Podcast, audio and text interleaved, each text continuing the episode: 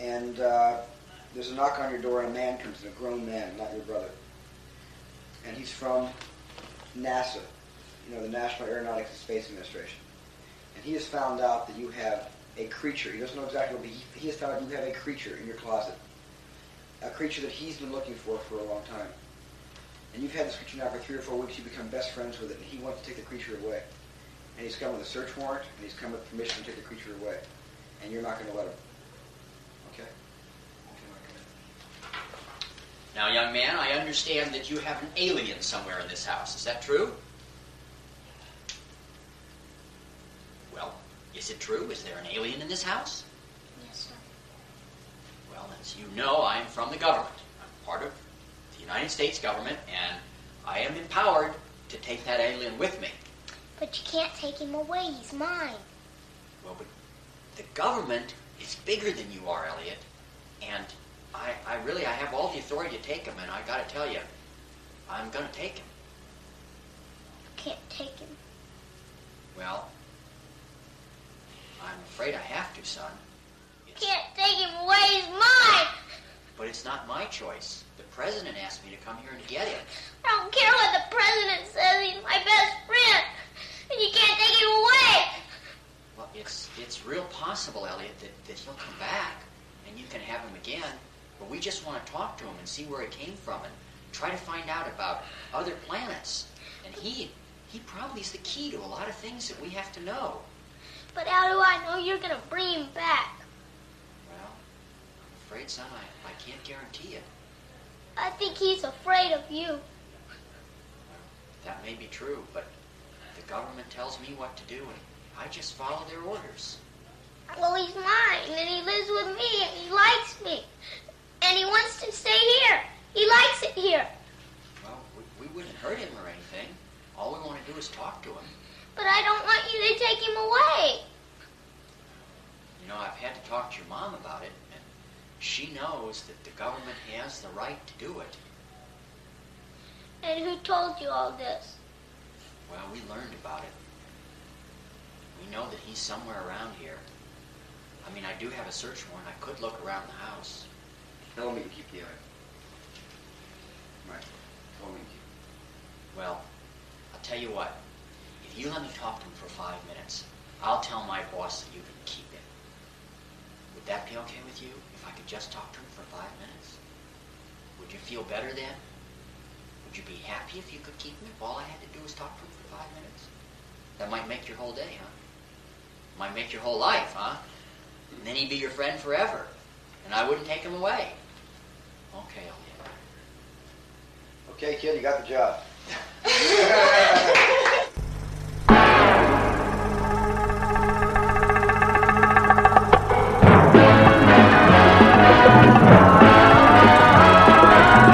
When it comes to entertainment, you can't beat a good film.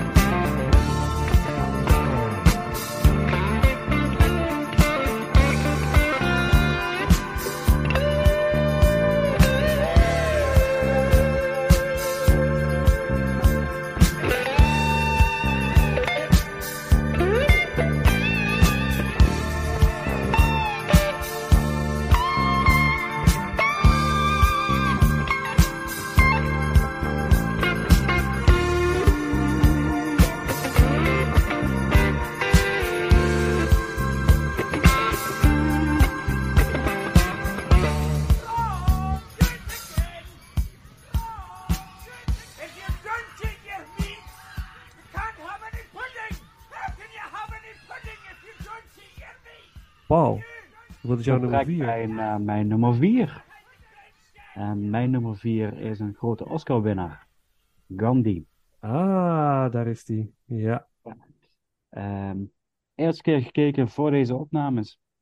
En eh, ja, ik, ik, eh, ik, ik ben echt geraakt door deze film. Ik, eh, eh, ik had er wel iets anders van verwacht. Ik vind hem niet zo, ehm, eh, niet zo perfect als mensen roepen, laat ik het zo zeggen. Er zijn wel wat dingetjes eh, op- en aanmerkingen. Ehm, maar ik ben vooral echt. eh, wat ik vooral knap vind, is dat je eigenlijk in een tijdsduur van drie uur toch wel redelijk goed het, eh, de belangrijkste aspecten van het leven van Gandhi weet te presenteren. Daar begint het ook mee in de film. Een open het, openingscredit, waarin dat ook wordt uitgelegd van dat ze echt keuzes hebben moeten maken. Eh, daardoor vind ik het soms wel een beetje van de hak op de tak springen. Hmm. Waardoor ik wel soms echt moest eh, opletten. Eh, en wat het wel wat meer van de kijker vraagt. Maar het eigenlijk het allerbelangrijkste vind ik eigenlijk het geweldige acteerwerk van Ben Kingsley. In dit geval. Die Gandhi speelt. En, eh, ik durf bijna te zeggen van hij heeft. Nou ja, de film duurt drie uur. Ik denk dat hij eh, misschien niet in iedere scène zit, maar wel echt heel veel van de film. En hij draagt die film. En ik heb eigenlijk voornamelijk door hem aan het beeld gekluisterd gezeten. eh, door zijn acteerwerk. Eh, en ook door zijn fysieke eh, transformatie. Eh, ja, hij lijkt ook heel veel op Gandhi. Dat vind ik ook eh, ja, echt bewonderenswaardig. Ehm, maar het is wel gewoon een hele mooie biografische film over een, over een persoonlijkheid die we eigenlijk niet mogen vergeten, om zo te zeggen. En eh, dat, dat vind ik wel eigenlijk van een film uit 1982, vind ik wel nog steeds een hele sterke film overeind staan. Eh, misschien iets te traag en misschien iets te saai voor deze huidige tijd, voor de, voor de huidige kijkers. Eh, maar het neemt niet weg dat het wel gewoon een klasse film is. Eh, dus vandaar eh, Gandhi van mij op nummer 4. Ja, en de boodschap. het geweldloze verzet. Ja, ja. Vind en ik ook, heel eh, mooi dat hoe, in het begin van de film ook, hoe hij dat leeft. Ook al, hè? Voordat Ja. hij die hele transformatie heeft, dan leeft hij dat ook al. Wordt hij gewoon uit elkaar geslagen. Op een bepaald moment, volgens mij, in, vrij het begin van de film. mhm. Ergens in het eerste uur. Ja, dat, uur. dat is wel zeker, ja. Maar, maar dat hij inderdaad dan niet oh, tot geweld overgaat. Ook al Nee, en voel ook je als kijker van, come on, doe wat. Maar hij Ja. doet het niet. En dat wordt uiteindelijk zijn kracht. Ja, prachtige zijn- boodschap. zijn volgers inspireert en zijn familie inspireert om hetzelfde te doen.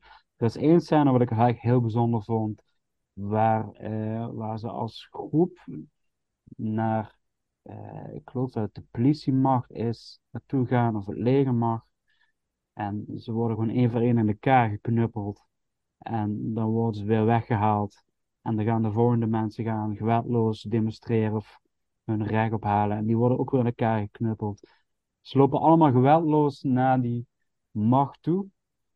Ze worden in elkaar geslagen en eh, dat vond ik wel een hele indrukwekkende scène, eh, om zo te zeggen. Ja. En eh, dus dat, eh, ja, een bijzondere film. Dus het, en de eerste filmrol van Daniel Day-Lewis in een bioscoopfilm. Oh, is dat zo? Ja, even een heel klein rolletje in het begin. Bijna onherkenbaar, zo jong en zo ja, onherkenbaar, dat zei ik al. Dus ja, dat is echt bijzonder om te zien. Ja. Mooi, mooi. Door eh, Richard, eh wacht, dat moet ik wel even goed zeggen, want nu ga ik nadenken en dan gaat het fout. Oh ja, Eh, Richard Attenborough. Ja. En eh volgens mij is het ook wel de broer van, toch? Of Van David, ja. Ja. Volgens mij wel, ja. ja. Kan Ja. niet anders, hè? Ja. En ja, goed, dat, dat, dat, dat wil ik wel nog even vermelden. Van Dustin Hoffman, die is in dit jaar ook, heeft hij een, een grote film gemaakt. Maar die wilde ook heel graag de titelrol spelen. Eh, maar heeft, uiteindelijk heeft hij eh, moeten kiezen voor Tootsie. Ja. En eh, de begrafenisscène. Daar waren 300.000 extra's voor opgeroepen. Het is gewoon niet na te gaan. 300.000 extra's. Niks CGI.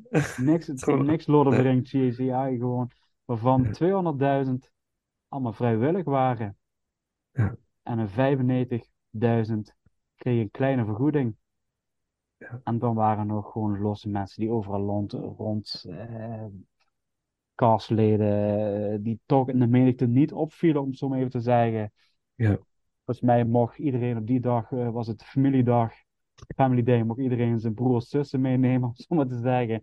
Ja. Eh, Ja. ja, maar gewoon de gedachte erbij dat je gewoon een scène opneemt met, met 300.000 extra's. Gewoon Ja. de logistiek om dit te regelen. En, Ja. Maar het lukt. ga maar regisseren. en Ja, ga maar eens regisseren, ja. mindblowing. 100.000 mensen maar vertellen. Oké, 3, 2, 1. ja, ja, ja, ja, ja, nummer 388 daar, dat ging niet goed. Nee. Even opnieuw doen, jongens. Even Ja. terug naar de beginpositie. Ah, daar gaan we weer. Ja, prachtig. Mooi, Gandhi. Ja, prachtige film. Ja, het is schitterend. Ehm jouw nummer vier. Dan doen we nummer The Discovery of, of India.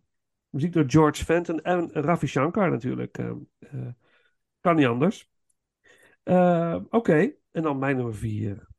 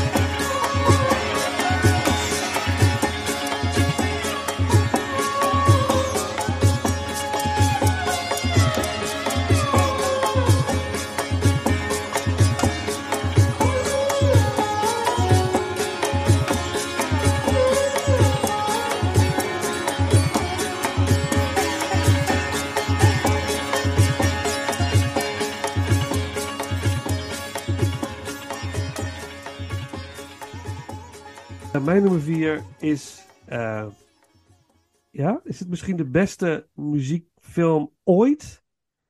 Ik denk Ja. het wel. Ik heb hem herzien en mijn vrouw zag hem voor het eerst. En die was ook compleet weggeblazen. Dus het holds up tot vandaag. Want het gaat over dingen die we nu nog steeds meemaken. En in de wereld en in onszelf. Ik heb het over The Wall. Pink Floyd, The Wall. Wat een film is dit. Het had bijna mijn nummer 1 kunnen zijn. Zo goed. Is dat die andere drie daar echt boven komen. Maar dit is, dit is, dit is een meesterwerk. Het is, oh man, hoe deze film gemonteerd is. En eh, de animatie die erin verwerkt is, het is, zo meesterlijk goed gedaan. Eh, The Wall is natuurlijk het bekende album van Pink Floyd. Het conceptalbum. Eh, wat het, eigenlijk het verhaal vertelt van Roger Waters. Dus eigenlijk is het zijn verhaal, maar dan in het karakter van Pink. Eh, Pink is dan ja, de, de- het hoofdpersonage in dat, op dat conceptalbum. En het gaat eigenlijk over een, over een, een man, een rockartiest, die eigenlijk compleet zichzelf verloren heeft, buiten alles leeft, een muur om zich heen bouwt om maar niet bij zijn eigen emoties te komen en andere mensen toe te laten. En dat heeft allemaal te maken met het feit dat hij zijn vader is verloren eh, door eh, eh, ja, iets wat in de Tweede Wereldoorlog gebeurt. Zijn vader is daar gesneuveld. Hij heeft nooit een vaderfiguur gehad. En dat heeft hij ontzettend gemist in zijn leven. En dat, ja, ja, dat manifesteert zich in, in dat wat hij doet. uiteindelijk. En dit is zijn zoektocht naar een manier om die muur, de wall, te doorbreken. En hij krijgt allerlei momenten, signalen om dat te doen, maar hij ziet het steeds niet tot het uiteindelijk niet meer anders kan. En dat is hetzelfde wat we allemaal meemaken. Op een gegeven moment, als je te ver, te snel doorloopt, dan val je neer. En dan zul je met jezelf in het reinen moeten komen. Wil je nog vooruit kunnen komen in je leven. Maar dat, maar, en los daarvan gaat de film over oorlog, onrecht. ehm, dat er nu ook gewoon kinderen zijn die geen vader meer hebben, omdat die sneuvelen in een oorlog. En dat is een film uit 1982. Daar was, toen werd er al geroepen van mensen, mensen, come on, is dit nodig? En het, nog steeds gebeurt het. Er zit een prachtig moment in het nummer Bring the Boys Back Home. Don't leave the children on their own. Het is zo indrukwekkend. En ook, en dat vond ik ook helemaal, op een gegeven moment transformeert Pink, hij is een rockartiest, hij transformeert zichzelf tot een soort Hitler.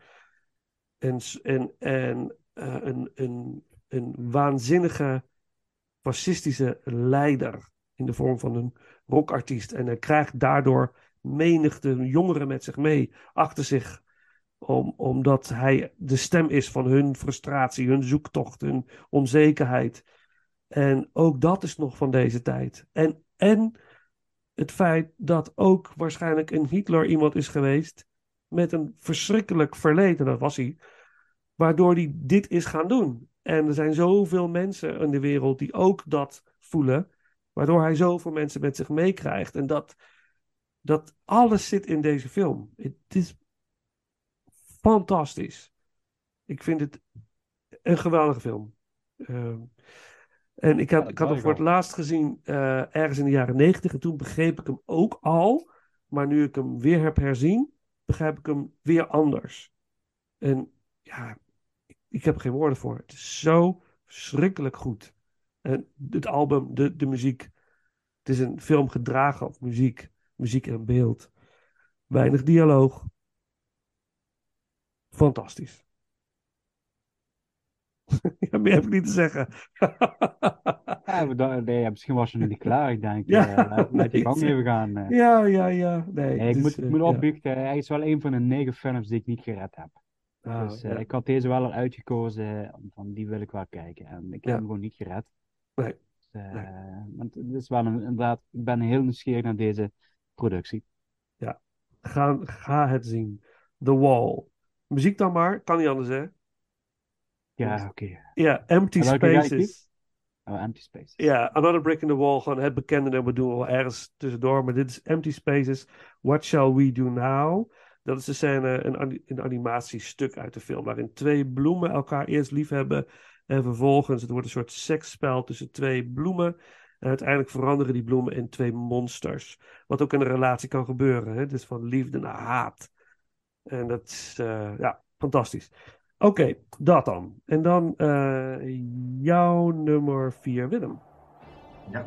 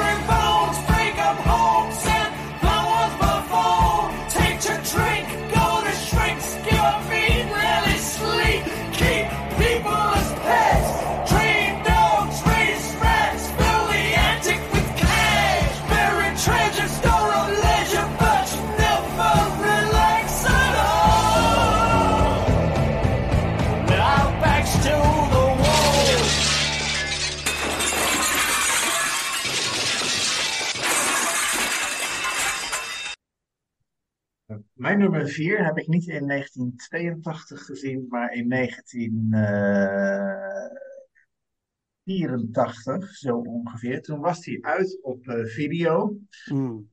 En eh, toen draaide die eh, in het eh, buurthuis. En eh, ik was eigenlijk nog wat te jong voor deze film. Ik was 14. Mm. Eh, en van deze film heb ik eh, heel erg wakker gelegen. Aha. Ik heb het over Poltergeist. Ik eh, ben helemaal niet van dit eh, genre. En deze film is eigenlijk eh, hoe dat ontstaan is. Omdat ik oprecht gewoon heel bang ben geworden door deze film, Poltergeist. Tot op de dag van vandaag, het paranormale, het, het, het geesten, eh, het onverklaarbare in en om je huis. En dat dat dus een, eh, een supernatural iets kan zijn. Eh, ja, dat houdt mij nog steeds bezig. En dat maakt ja, dat ik deze film dus wel in mijn top 10 eh, moet zetten. Omdat die eigenlijk ja, heel veel invloed heeft gehad op ja, wat, ik, wat ik leuk en niet leuk vind in een film. En een film die veel bij je losmaakt. Dus ik ga niet zeggen dat ik het een leuke film vind om te kijken, maar het maakt gewoon veel bij mij eh, los. Ja, die moet Mm. gewoon eh, in mijn top 10. Heb je hem herzien voor deze ranking? Ik heb eh, stukjes uh, herzien. Ik vind het dus nog steeds verschrikkelijk. eh, ik vind het verschrikkelijk. Ja, verschrikkelijk eng. Terwijl die ook helemaal niet zo heel erg eng is vergeleken met wat er nu wordt gemaakt. is deze film Peanuts. Maar ik kan Ja. me voorstellen als je die ervaring hebt gehad, dat het dus nog steeds iets met je je zo, eh, zal jullie zo een scène eh, eh, vertellen. Maar wat natuurlijk wel echt gewoon heel briljant is aan deze film, is dat het eigenlijk heel veel ruimte laat, ook voor jouw eigen invulling. Ja. En je eigen inbeelding, je eigen aannames, die zijn altijd honderd keer enger, denk ik, dan een, een regisseur voor mij kan, kan bedenken. En zo plotseling een schreeuw, dan hang ik ook in de plaat hoor. Maar dit, eh, ja, wat, wat hier gebeurt in de film, ja, even de synopsis vertellen eigenlijk wel, hè? Ja, zijn Ja, doe maar. Ja. Amerikaans eh, eh, eh, gezin. Eigenlijk iedereen in dit gezin, als je, die, als je de film nog eens zou kijken, al die acteurs ken je ook gewoon, hè, van allerlei andere eh, films.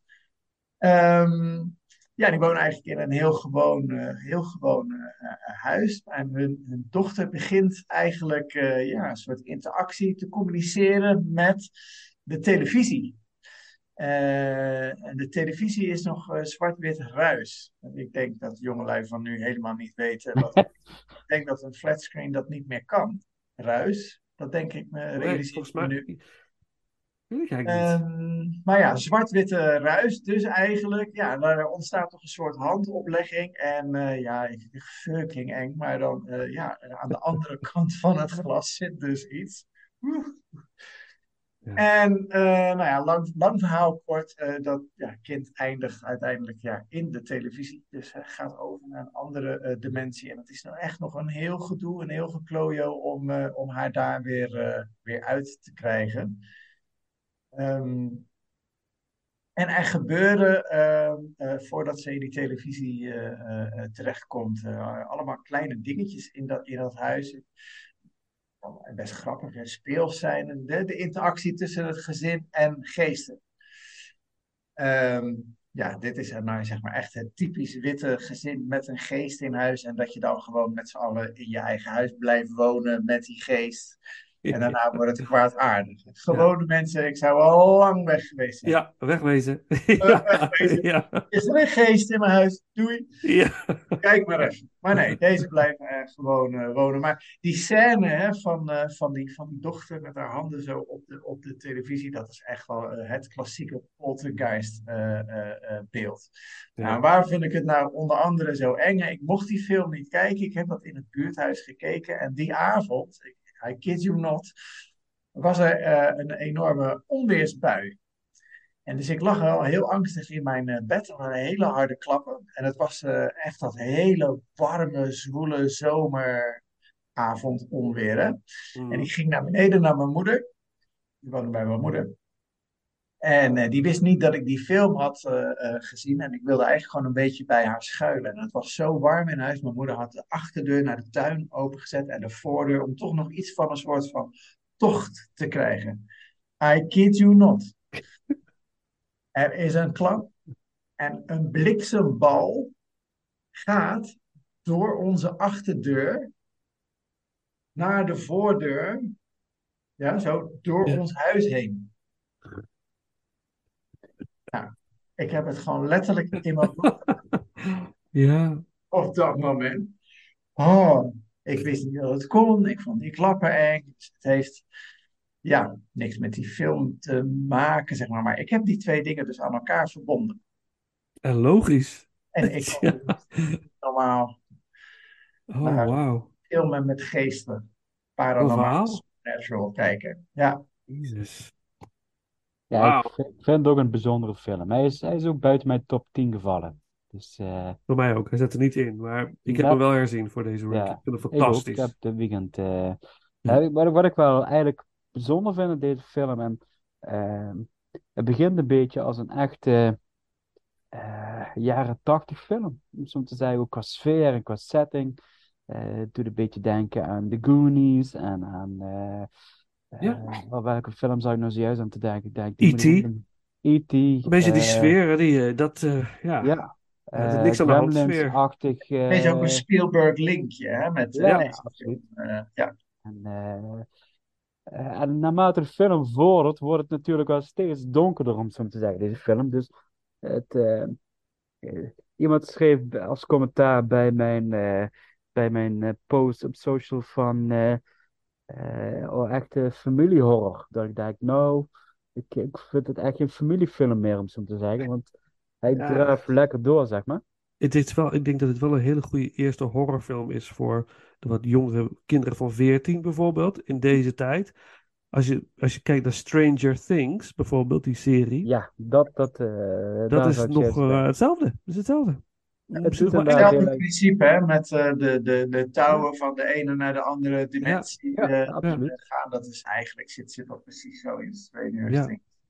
Maar ik we even Heather O'Rourke even benoemen. Voor, eh, eh, want de, het meisje, wat in, Mhm. nog in twee sequels terugkomt, moeten we echt gaan ranken ook, Paul, deze. 1, 2, 3. Moeten we ook nog even ergens in gaan plannen.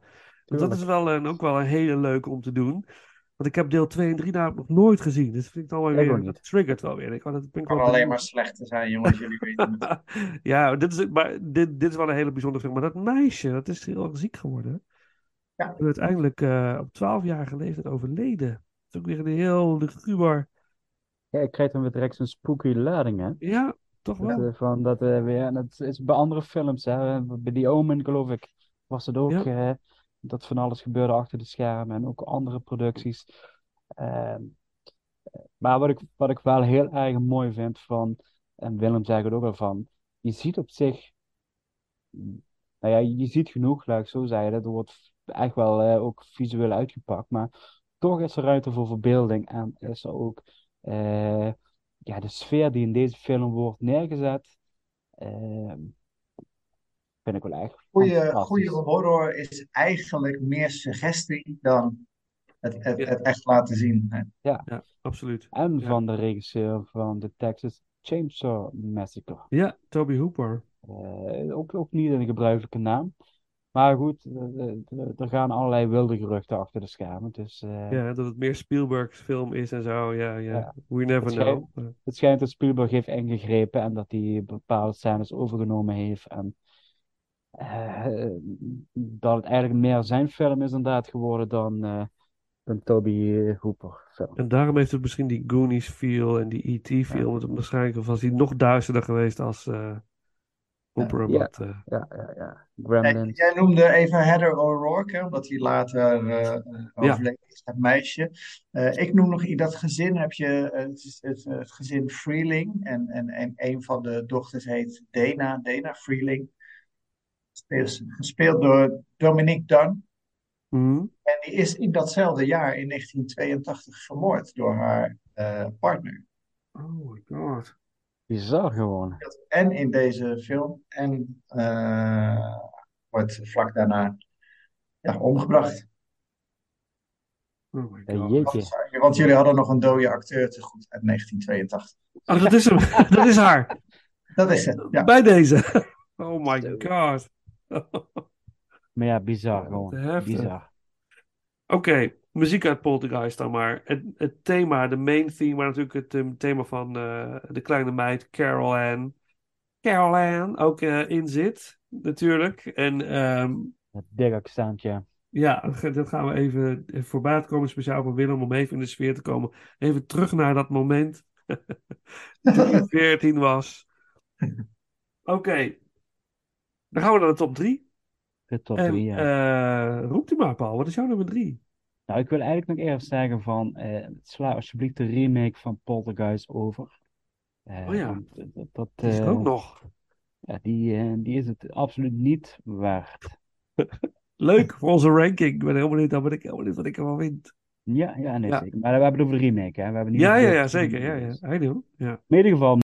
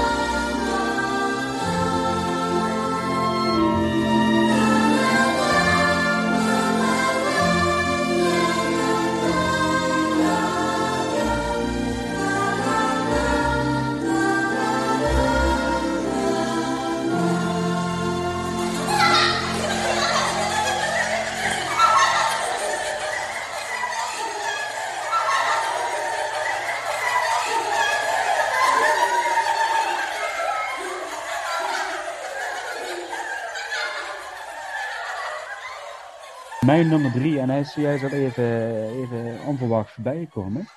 Ehm, want dit is film van Spielberg. E.T. Aha, daar is die. E.T. Phone Home.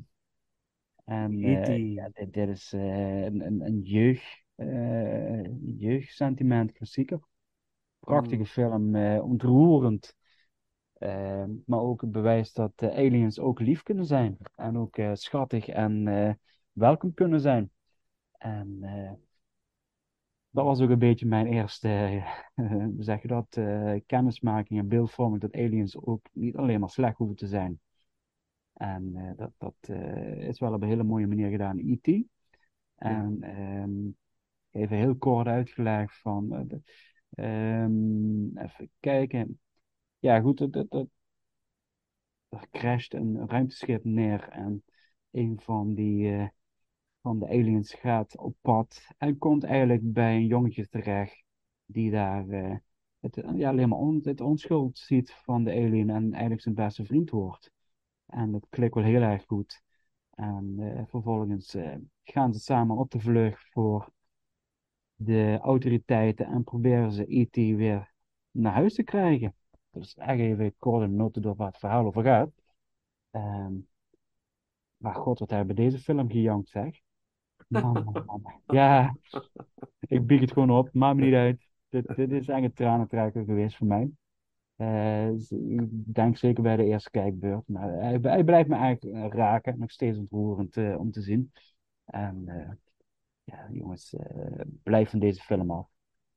Alsjeblieft. Dit, Ja, blijf van deze film af. Het is ook een gedigitaliseerde versie, met een gedigitaliseerde E.T. Hè? Op sommige. Dat is het toch net niet, hè? Nee, nee, nee, nee, nee. Nee, dus, eh, dus, dus, eh, ik heb hem lang niet meer gezien, maar dit was een film, denk ik, ja, dat hoef ik niet te kijken. Dat, Ja. dat- maar ik heb, ik heb eigenlijk wel zin om hem erbij te pakken en gewoon eens een keer een zaterdagavond te kijken. Ja. Ehm, ja, dit, dit, is wel zo'n, zo'n, dit vind ik wel een meer een familiefilm. Als we toen jij zo'n poltergeist hadden en dan toch een stapje moeten maken naar deze. Dit vind ik toch wel meer een eh, familievriendelijke Dat is het. Eh, volgens mij Amblin Studios is dat, hè, wat toen de tijd dat heeft opgezet. Eh, dat, eh, ja, dan kijk ik liever met mijn neefjes deze film, om zo te zeggen. Het was Universal volgens mij. Later is het Amblin geworden. En het is inderdaad dat fietsje. Waarin Elliot met E.T. langs de maan vliegt. Dat is het, inderdaad het Amblin eh, logo geworden, ja. Ja. Ja, Dus, prachtig. ehm, ja, ook eh, ja, heel veel jonge acteurs die later ook door zijn gebroken. En eh, heel veel bekende gezichten op zich. En Ja. eh, ik ben eigenlijk wel verbaasd. Met één naam. eh eh, C. Thomas Howell. Ja. Die, die, die speelde ook mee in deze film. En dat eh, was wel iets wat ik even helemaal vergeten was. En Erika Lenka, Baywatch-actrice, Hendrik Thomas, Drew Deb Barrymore, Ja, Peter Coyote, Dee Wallace. Ja. Is niet zo jong, maar wel een hele bekende actrice. Eh, ja, het is eh, prachtig om te zien. Dus eh, ik, ja, eigenlijk nu het erover heb, heb ik gewoon eigenlijk wel zin om te gaan kijken. ja, Heel raar, eh, mooi. Dat, dat heb ik ook. Dat, Dat, dat, is echt zo'n typische film waar ik, eh, Ja, eh, wat ik eigenlijk, eh, ja, nog een beetje de Goonies-achtig. En later Hoek van Spielberg. Ja, dat zijn wel, eh, die, het zijn avonturenfilm. Dat is een soort, soort, soort reis wat je met de hoofdrolspelers meemaakt. En dat je eigenlijk denkt van, hoe bizar het is, maar dat wil ik ook. Ja, ja, ja. Van, dit is een beetje zo'n zo'n zo'n zo'n kinderboek eh, Hmm. avontuur wat, wat, wat je meemaakt. En je denkt van, het heeft, het heeft, het heeft spannende momenten en het heeft de lach. Eh, Yoda komt voorbij, een leuke variant. Eh, hij wordt ge- ge- gelokt met snoepjes, volgens mij een soort Skittles-achtig iets. Eh, dus ja, dat eh, zijn dingen die vergeet je nooit meer. Het zijn allemaal echt van die, van die dingen wat je vaak een filmquiz voorbij. waarmee werd hij gelokt? Met M&M's, met Smarties of met Skittles? Ja, ja, ja. Nou ja, En de Star Wars poppetjes die worden uitgelegd door Elliot. Hammerhead, ze komt bijvoorbeeld voorbij. Die totaal geen rol heeft en één- komt één keer voorbij. Heeft een cameo in een van de Star Wars films. Hammerhead. Maar het was een super populair actiefiguurtje. Ja, en door, door dit is, is Hammerhead groot geworden. ja, Ik denk Hammerhead, ja. oprecht dat dit gewoon zijn moment of fame is. Alleen gewoon een verkeerde film, om zo Ja. te zeggen. Ja. Van, eh, ja, van bijrolacteur tot hoofdrol. eh. Ja, ja, ja, ja. Prachtig. Ja, wij, wij houden allebei wijselijk onze mond, want ik heb al het gevoel dat hij bij ons ook nogal voorbij gaat komen. E.T., maar wel wat muziek dan. Hè. John. Williams, mijn god, wat een score. Wat een muziek. Ook nog eens, ja. Wat een perfecte film is dit. Eh, John Williams. Ehm, Ik heb nu wel de indruk dat onze top 3 gewoon stuivertje wissel gaat worden op één titel na, omdat die al bij Winner voorbij gekomen is. Ah, oké. Nou, we'll see, we'll see. Ja. Nummer drie. Oké, ja. eh, voor jou is het E.T. eh, de track Abandoned and Pursued. Aan het begin van de film dat hij inderdaad wordt eh, ontdekt en achterna wordt gezeten. en moet vluchten.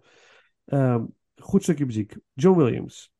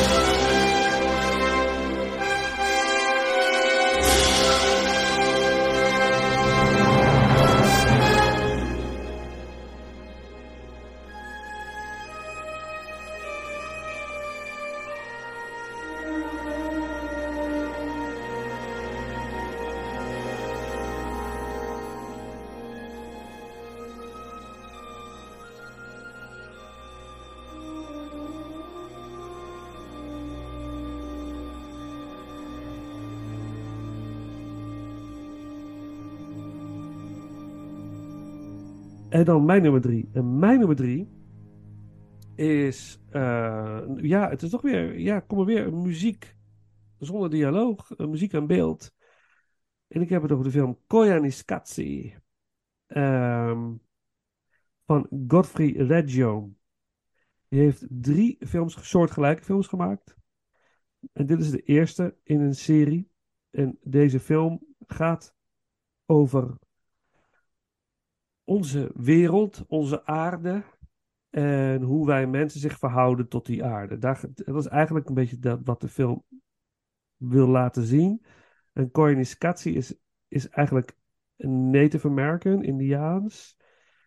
En staat voor Life Out of Balance. Dus het leven is uit balans. En dat laat deze film heel erg mooi zien. Door eh, te beginnen met eh, natuurbeelden. Om vervolgens de sprong te maken naar de stad. En de waanzin, de chaos te laten zien van wat er in deze wereld gebeurt. Om vervolgens dan weer met een gigantische explosie terug te keren naar de rust van de natuur.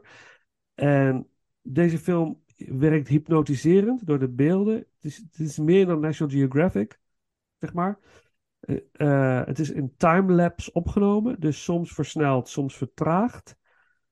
Ehm, de muziek van Philip Glass zorgt voor een hele hypnotiserende laag. Die film die pakt je en je, ik, ik bleef weer kijken. Ik heb hem al vaker gezien, maar ik was weer meegezogen. En op een gegeven moment wordt het gewoon ook komisch. Je moet gewoon lachen om hoe wij met de aarde omgaan. Want het, het wordt namelijk versneld afgespeeld, wat wij doen. En het lijkt een soort bizarre animatiefilm. En je denkt, wat, ik gewoon moest lachen om wat er gebeurde. Het was niet eens meer. En, en dan vervolgens inderdaad val, verval je in dat van shit. Wij leven zo snel en zo onbewust van dingen. Eh, En dat zet je wel aan het denken. Deze film zet je heel erg aan het denken. En, en dat doet eh, deze regisseur op een waanzinnig mooie manier. Waar ik heel erg onder de indruk was deze keer was, er is een eh, explosie op een soort eh, platform waar ze zeg maar grondstoffen uit de grond halen. En dan komt er een explosie, ze exploderen. En dan komt een rookwolk.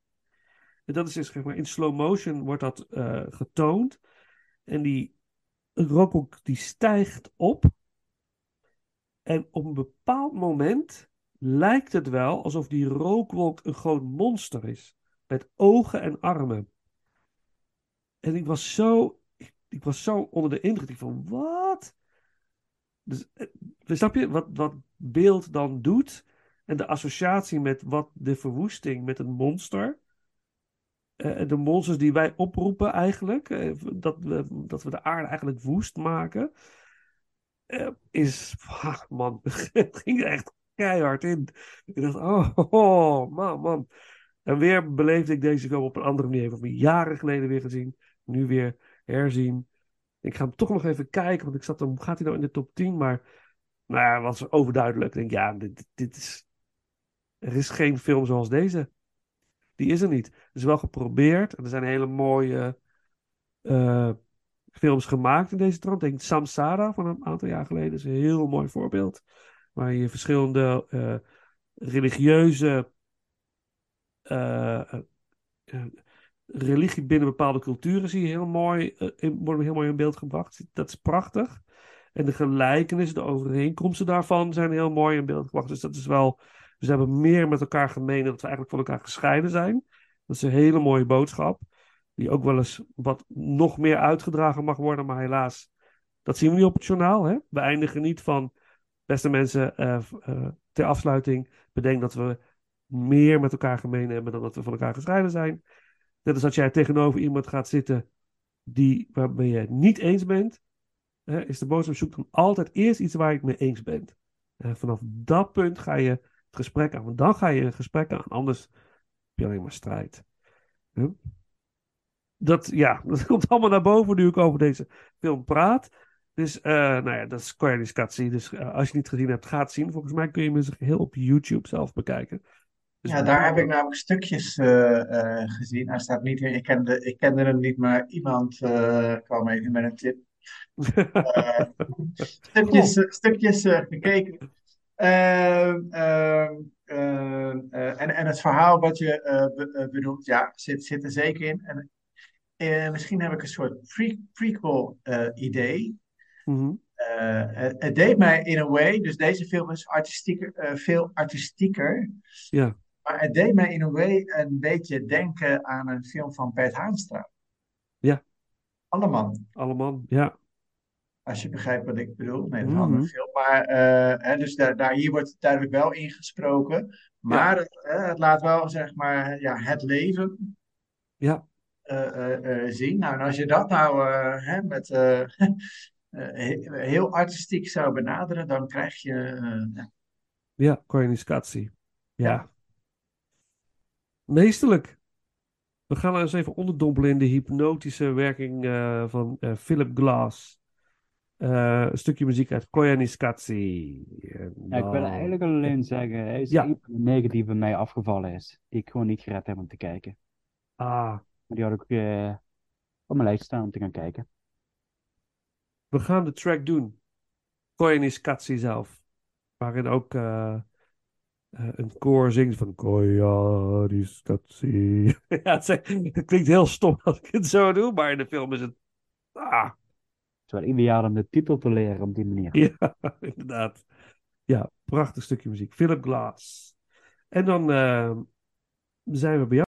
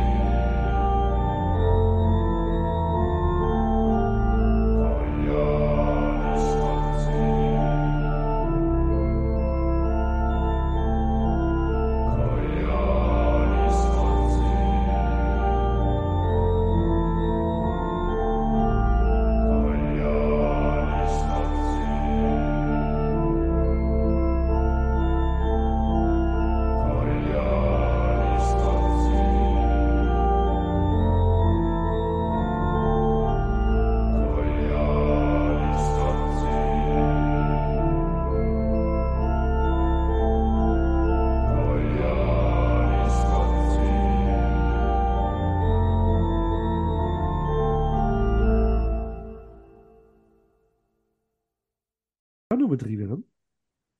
En mijn nummer drie is een film die, vanavond, al- die vandaag al een keer voorbij eh, is gekomen. Ik heb eh, op drie eh, staan Fast Times at Richmond High. Dus daar is Ah, gewoon, weer. Ja, ja ehm, eh, ik, heb, ik heb in een eerdere podcast ook wel eens geroepen dat ik ben echt een zakker voor coming-of-age-achtige films. En dit is er dus zo een. Ja. Alle grote mensendilemma's in, eh, in mensen die eigenlijk eh, nog eh, klein zijn.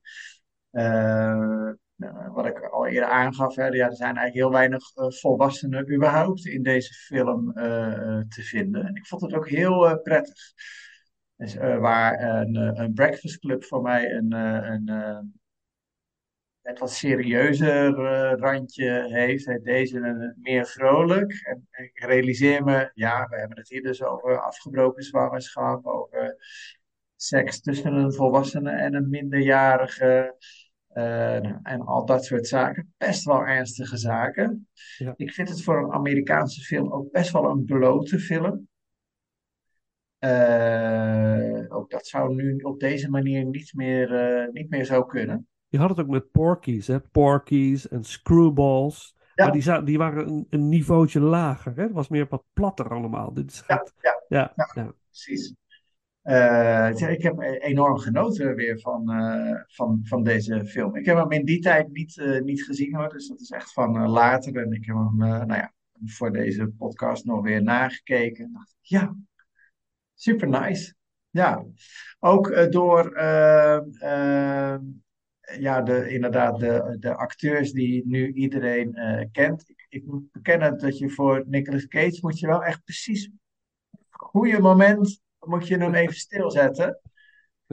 Eh, want ik, ik denk dat hij tien minuten over deze rol gedaan heeft. Namelijk het, het pakje van eh, de, de diner waar hij werkt aantrekken. En, en één keer in de camera kijken in een shot. Ik denk dat hij een seconde of zo in beeld is. Ja, gaat heel vlug. Ja, ja. maar goed, hij zit, hij zit er wel in. Maar Eric Stoltz, eh denk dat veel mensen hem eh, inderdaad eh, kennen. Ja, en ik, ik, vind ik dus eigenlijk heel lastig om te zien. Dat ik die dus van later, ik vind, ja, dat. Maar ik word heel blij van iedere film waar Judge Reinhold in zit. Want die echt zo'n zo'n hele innemende, ontwapenende, hoe ik ook zou willen zijn, achtige ja, air en flair om zich heen heeft hangen. Ja, daar word ik heel gelukkig van. Ja, ik vond het een heerlijke film. Ja, ik sta er zelf verbaasd van dat hij dan de derde plaats eindigt. Ja, vind ik wel bijzonder. Ja, Maar het, lekker is het is ook echt een bijzonder, het is wel echt wel een bijzondere film als je erover nadenkt en over, over hebt. Het is een bijzondere film. Ja. Wat cool. Nog een liedje dan?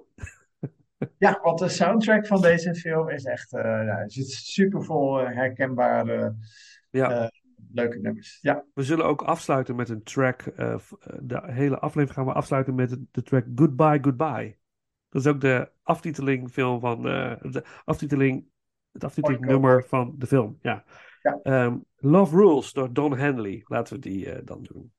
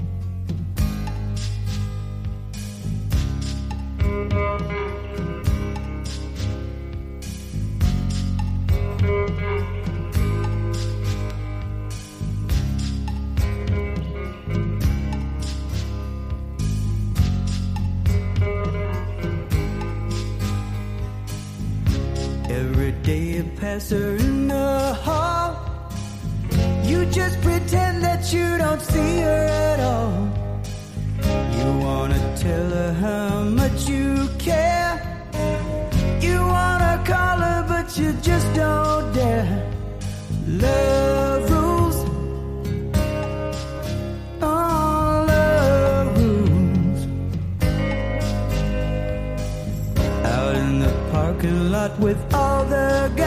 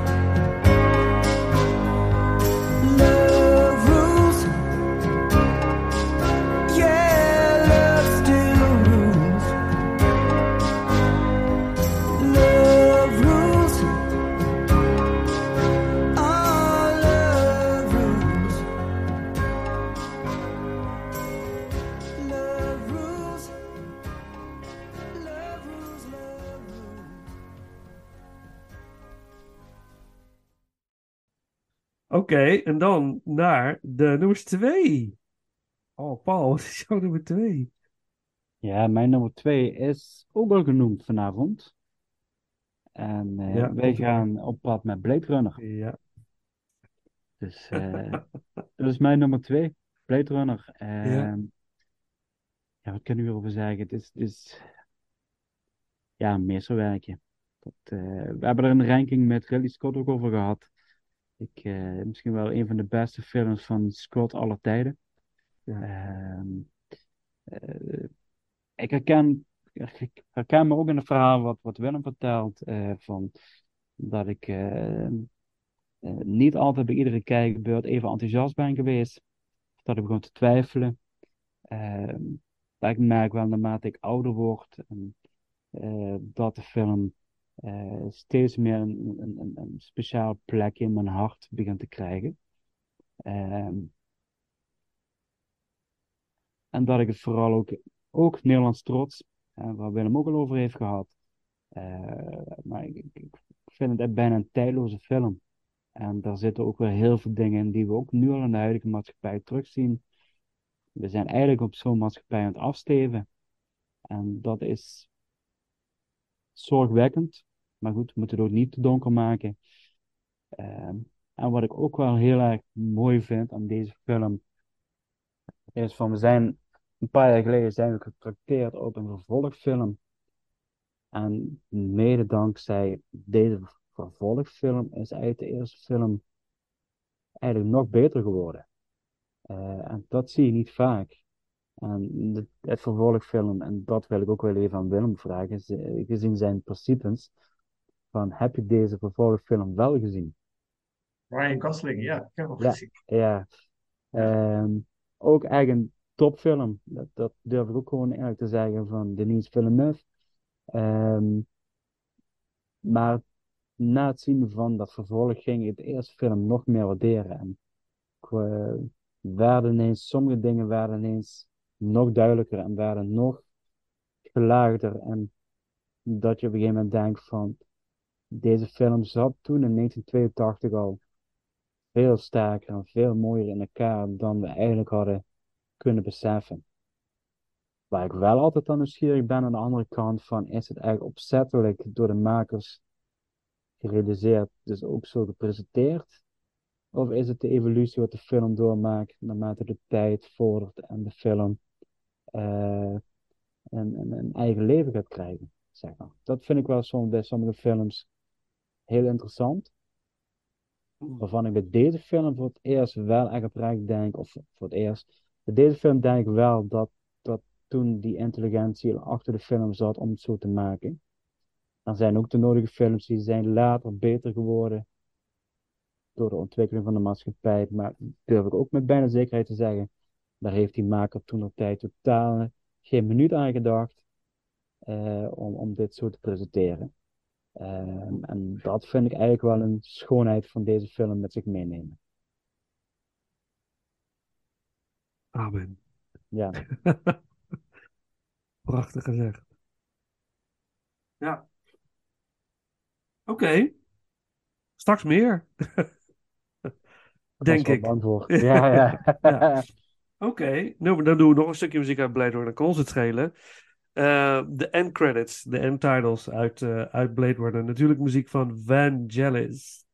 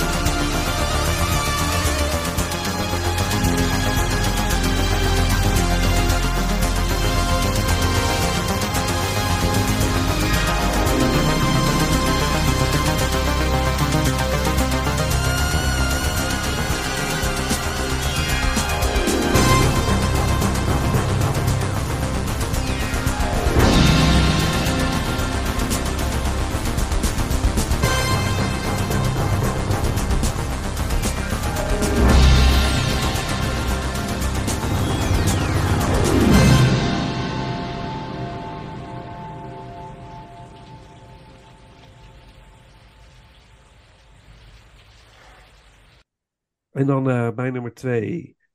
En mijn nummer twee is de tweede film in de lijst die ik in de bioscoop heb gezien met mijn allerliefste vader. Het was eh, kerst 1982. Rijen voor de bioscoop. Ik weet nog dat we in de kou stonden om een kaartje te krijgen. En het was gelukt. Op een zaterdagmiddag. Dus zag ik E.T. in de bioscoop. En E.T. is mijn nummer twee. Uh, ja, ja, het is al gezegd, het is eigenlijk gewoon een perfecte film. Het is, de pacing is perfect. De karakters zijn super leuk en eh, likable. Eh, het is goed te begrijpen voor alle leeftijden. Ja, ja, eigenlijk wel. Als je echt even goed voor gaat zitten, is het voor iedereen te snappen. De kinderen hier thuis zitten met tranen als we het kijken. Ik moet iedere keer huilen bij deze film. Op het moment dat hij ziek ligt in die, in die keuken. En dat hij, eh, dat hij in, die, in, die, in die soort van vries, vriezer ligt eh, eh, in het ijs. En dat, dat ehm, eh, eh, hij zegt, E.T. I love you zegt dat hij aan het huilen is. En dan op een gegeven moment E.T. komt tot leven. En dan krijg ik, mijn hele adem gaat hoog. Van, oh ja, ja, iedere keer weer. En ik, oh gelukkig. Maar je weet dat het gaat gebeuren. En het moment dat hij afscheid neemt van, van Drew Barrymore. Dat plantje krijgt. Nou, dan zie ik bijna mijn eigen kleine Sofietje dat doen. Snap je? Snap je? Dat, dat, dat doen kinderen. Het is echt, zo, zo doen ze. Die ukkies. Dus, eh, die gedragen zich echt zo. En dat vond ik. Het is zo. Het pakt het allemaal zo precies goed. En ja, Maar dat je als die- maker ook gewoon weet te presenteren. hè, zonder dat daar een heel geforceerd acteerspel komt. ja, Eigenlijk van, hoe gaat een kind reageren? Zo gaat een kind reageren. ja, ja. Heel natuurlijk. is- Dat heeft die Spielberg goed gedaan hoor. Ja, top. Nou, het bracht ze ook gewoon in omstandigheden dat ze zeg maar, een soort au naturel eh, konden. Ja. En want kinderen op die leeftijd kun je niet eh superveel. eh, nou ja, daar kom, ik kom er straks nog wel even op terug. Ja, Dus, ja, ja. raken we niet uitgeluld. Nee, nee. Ja, maar er zijn superveel pogingen gedaan om het te evenaren, E.T. Je hebt de hele slechte varianten op E.T. Denk bijvoorbeeld aan de film Mac at Me. Ga dat ooit maar eens opzoeken. Dat is echt de slechtste variant op E.T. imaginable. Maar als je, dat hele principe is vaak geprobeerd te evenaren, maar het lukt niet. En goed, Paul, dat je zegt van blijf van E.T. af. Ga dit niet remaken. Ga hier geen nieuwe variant van maken. Laat dit voor wat het is, want het, het doet het nog steeds. Het is een tijdloze film, het is een tijdloze meesterwerk. Je gaat ook niet de Rembrandt overschilderen omdat we nu andere hoedjes op hebben. Of een haarspeldje in het haar van de Mona Lisa inkleuren. Ja. Of weet ik veel. Doe je niet. Nee, nou, nou precies dat. We hebben het hier, ja, we hebben het hier over een, een stukje kunst. En dan die waanzinnige muziek van John Williams. Die, ja, come on, die topscore na topscore na topscore componeert. En dat steeds weer voor elkaar krijgt om je, alleen door de muziek al, je, dat je al voelt, oh, ik ga, nu ga ik eh, al een beetje opwellen. dat, dat is ongelooflijk. Dat is, dat is magic, hè? Dat dat ongrijpbare. En dat heeft E.T. als, eh, als geen ander. Dus ja, laten we maar gewoon, we gaan er zo even verder over, want eh, Willem heeft zichzelf al verraden. Maar dat we, ik had al zo'n zo'n vermoeden. Dus eh, laten we het nummer Flying doen van de soundtrack van E.T. John Williams. Geniet ervan, beste luisteraars van dit moment. En laat je weer even meevoeren. Dus dat. En dan jouw nummer twee, Willem.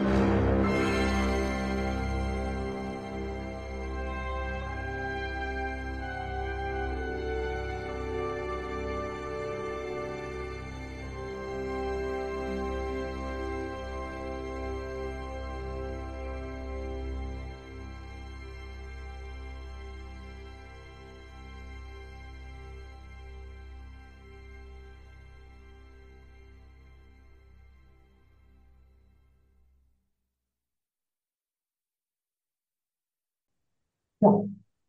Jongelui, even over mijn principes. Dus, uit deel 1, dat is altijd de beste. De rest moet je gewoon niet aan beginnen, moet je ook niet kijken.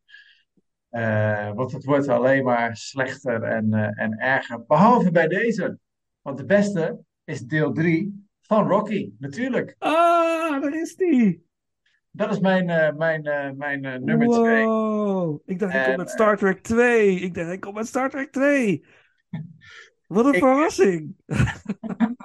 Had ik echt Ja, deze zou ik niet aankomen, nee. Nee, ik ook niet. Nee, nee, maar ik kan het wel heel goed uitleggen hoor. Ah, Ja, leuk, leuk. Fantastisch. Ja. Eh, eh, want eh, Rocky 1 i- is ook echt een hele goede eh, eh, eh, film. En ik denk dat de meeste mensen, als het lang geleden is dat je hem gezien hebt, denken dat eh, Rocky wint. Want ja, Rocky wint in de film. Maar dat doet hij dus niet in deel 1. En dat maakt deel 2 dus zo fijn dat hij tegen Apollo Creed hè, eh, het dan toch eh redt. Waarmee het ook heel prima was geweest als daar het verhaal, eh, geëindigd was. Maar de epische veldslag die zich in, in, in deel 3 afspeelt tegen Mr. T, B.A. Baracus. Die man, hè, eh, vocaal, hem uitdaagt. Ja. Op het moment dat hij eigenlijk wil, eh, wil stoppen. Dat hij eigenlijk een beetje over de heel is. De relatie tussen iedereen om Rocky Balboa heen, die je in deel 1 en 2 eh, een beetje hebt leren kennen. Die in, voor mijn gevoel, hè, de, de, de, de, de zwager, de trainer, nou ja, alles is, komt helemaal tot wasdom. Eh, eh, in dat eh, ultieme eindgevecht, het gehavende gezicht van, van Rocky uit deel 2 nog. Ja, er zit, zit zoveel mooie details in. Ja, ik, voor mij is dit gewoon de ultieme boxfilm, de ultieme Rocky-film. En ik snap in deel 4, maar dat vind ik dus echt allemaal meer van hetzelfde worden tegen Dolph Lundgren, als ik het goed heb, de grote, grote, de grote rust. Maar deze, de, de engste tegenstander die je kan bedenken, is toch B.A. Baracus. Ja, het is echt een beest. Dit is echt een beest. Echt een beest. Klubberlijn. En Weet de, de muziek hè, van, van, van deel 3, ja, vind, vind ik nou ja, echt iconisch, episch, herkent iedereen. Ja, fantastisch. Wat Dus eh, ja, deze film, eh, ja, voor deze film ben ik eh, een beetje van principe afgestapt en eh, van mijn geloof gevallen. Dan moet je nagaan, dat doet hij wel weer, hè, die Stallone. Zelfs bij jou. En hij staat gewoon twee keer in een ranking, hè? Ja, wat kikker zeg. Ja. Ja. Ja, fantastisch. Ja, het is, ja. Klubberlijn is een, is een monster. En hij vecht in het begin al tegen een monster, Hulk Hogan. Wat ook een beetje. Ik denk van ja, is dit nou echt een exhibition fight? Of is het nou echt voor een goed doel? Of wordt hij nou echt gevochten? Dus dat is ook wel weer heel, eh, heel, heel cool. En maar ja, ja, prachtig. Wat je, mooi dat je zegt dat die karakters tot wasdom komen in deze. Want dat is wel zo. Ze hebben allemaal een opbouw gehad en hier kunnen ze eigenlijk gewoon zijn. Ja. Ja, heel, heel mooi. Ah, muziek? Bill Conti. eh, de track Mickey. De trainer. Burgess Meredith. En even, heel even Polly. Polly is ook weer fantastisch in deze film, hè? Ja, Die ja nou, die komt dus echt tot wasdom eh, Ja. in, in deze jaar. Ja, ja. Het is een klaagzang over alles. Het is, ja, fantastisch. Oké, die muziek. En dan, eh, nou, dan gaan we echt naar de nummers eh, 1. En eh, ja.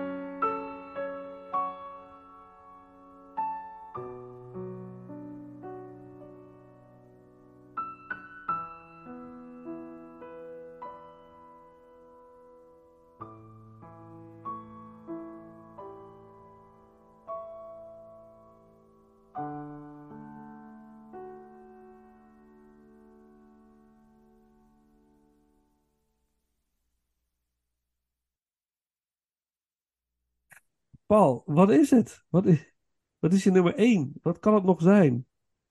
Ja, mijn nummer 1 is ook al eerder benoemd. Eh The Thing van John Carpenter. Ah, The Thing op één. Ja. Leuk. Gaat er nog geen over hebben. Ja, nee, maar dit, dit is, dit is mijn introductie, denk ik, met John Carpenter en ook eh, eh, body horror, horror, om even zo te zeggen. Mm. Ehm, ik- nou ja, Willem heeft het al, heeft het al verteld. De, eh, de, de iconische scènes met de bloed, bloedmonsters om te achterhalen. Is Zo, zo spannend uitgewerkt. Eh, en dan moet het echt eh, visuele geweld nog beginnen. Eh, iedereen kan het zijn en je weet. Je, je hebt geen idee hoe, hoe, hoe, de, hoe de alien eruit ziet. Hoe, hoe de slechterik eruit ziet. Nee. Het zit steeds vermomd in, een- in, in een andermans lichaam. En eh, de, de, de, de transformatie ervan, om zo te zeggen. Eh, en dan vervolgens ook nog alle horroraspecten die erbij komen kijken. Ik vind eh, echt een hele, hele enge film. Eh, ik kan er ook van genieten. Ik kan er ook van lachen. Er zijn ook scènes bij dat je, dat je, dat je een glimlach op je, op je, op je gezicht krijgt. Het is, ehm, ja, ik- nog steeds staat deze film helemaal als een huis eh, overeind. En eh, nee, van mij is misschien wel de, de, de, de, ook van mijn top 10 die, we, die ik vandaag gepresenteerd heb, denk ik ook wel misschien wel de grootste impact gehad. eh, als, als filmliefhebber, laat ik het zo zeggen. Dat, Waar zit die impact hem dan in? nou ja, dat, wat ik al zei, van de, de, de kennismaking met echte body horror. En eh, dat je eigenlijk ook een, een, slim verhaal en eh, spannend eh, kunt presenteren zonder dat het simpel pief, paf, poef en hak- en snijwerk wordt, wat je in andere horrorfilms ziet. Dat je, dat je tot de laatste minuut blijft twijfelen van wie is goed, wie is slecht en waar zit de oplossing die er eigenlijk deels niet is. Na een bepaalde uitzichtloosheid. eh, de locatie natuurlijk eh, in de sneeuw, in de, in de... Dat was voor mij ook toen de tijd helemaal nieuw. Wat we eigenlijk alleen maar kennen in de woestijn en de, de, de, de, dorre landschappen van de westerns. Waar je, waar je, waar je te maken kreeg met uitzichtloosheid. Gewoon ook visueel een beeld gebracht. Want duur denk je ook, ja weet je, je kunt er wel dat beest verslaan of wat dan ook. Maar ja, je staat wel nog ergens op de Noordpool eh, of de Zuidpool waar het dan ook afspeelt. Ja, ja. Eh, je hebt geen vervoersmiddel. Eh, ja, er is eigenlijk geen enkele reden om te, om, om te vechten, om te overleven, om zo te zeggen. En wat drijft die man dat toch? In dit geval Kurt Russell. En eh, dat vind ik wel echt een hele spannende trip. Eh, mede ook door, door ja, de, de vervolgfilm, wat dan uiteindelijk een prequel blijkt te zijn, wat de verrassing dan is. Ja. Eh, dat vond ik eigenlijk ook een hele gave eh, toevoeging en ook een hele slimme zet van de makers. Ehm, eh, en dat is op heel vaak gekopieerd, op heel veel manieren, maar nooit geëvenaard. Ehm, en dat vind ik wel heel bijzonder. Ehm, en ik heb ook wel wat dingen achter de schermen gekeken en making-ofs. Ja, het is allemaal echt eh, puppeteering. Het is niks met computers of eh, heel anders en minimaal de, de computerwerk. Eh, ja, daar hou ik van, om zo te zeggen. Dat, eh, Echt puppeteering, want om een scène te noemen, hè, dus er is een, scène waarin iemands hoofd van het lichaam valt en dat hoofd rolt onder de tafel en dan groeien er uit dat hoofd zes poten en loopt dat hoofd als een spin. Ja. Puppeteering? Oh, dit ziet er echt wel heel goed uit hoor. Ja, ja, ja, dat is stop motion in combinatie met puppeteering. Dit is, dit is, een- dit is ongelooflijk. Weer vakmanschap. Ja. Hier zijn mensen aan het werk die. Ja, hoe mooi is dat? Dat, je- dat, dat, dat is wat, wat we nu zo missen soms in, mhm. In films. Je weet dat het computer gegenereerd is. En dat is, soms ziet er fantastisch uit. Je denkt, wow, het is echt... Maar dit echt, dat craftsmanship is zo... Ik weet niet, dat voel je. Ja. En ik, ik vroeg, me ook af, hè, die Kurt Russell, eh, ja, die moet zich er ook een beetje inleven in deze eh, eh, rol. En eh, ja, die leest zo'n script en die ziet natuurlijk ook wel hoe het eindigt en wat er allemaal gebeurt. Eh, maar het is eigenlijk een hele bizarre kerel. Die zich heel de film, hij is piloot, maar hij drinkt zich helemaal klem. Hij zondert zich best wel vaak af van de rest. Iedereen keert zich ook tegen hem. Hij keert zich tegen de rest. Heel bijzonder.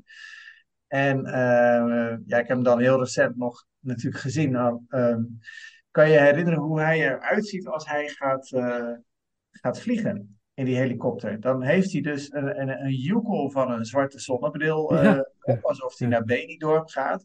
Maar ook een hele grote sombrero. Ja, sombrero heeft hij op, ja. Ja, Eh, waardoor je een soort eh, ja, heel, heel vervreemdende, ja, rare, rare look krijgt hij er eigenlijk eh, van. Ja, maar juist daarom weet je vanaf het begin niet wat je van hem moet vinden. Ja. En dat is, dat is de kracht wat natuurlijk gedurende de hele film met zich meeneemt. Want uiteindelijk, hij manoeuvreert zich dan wel als de hoofdrolspeler en de held van de film, om zo te zeggen.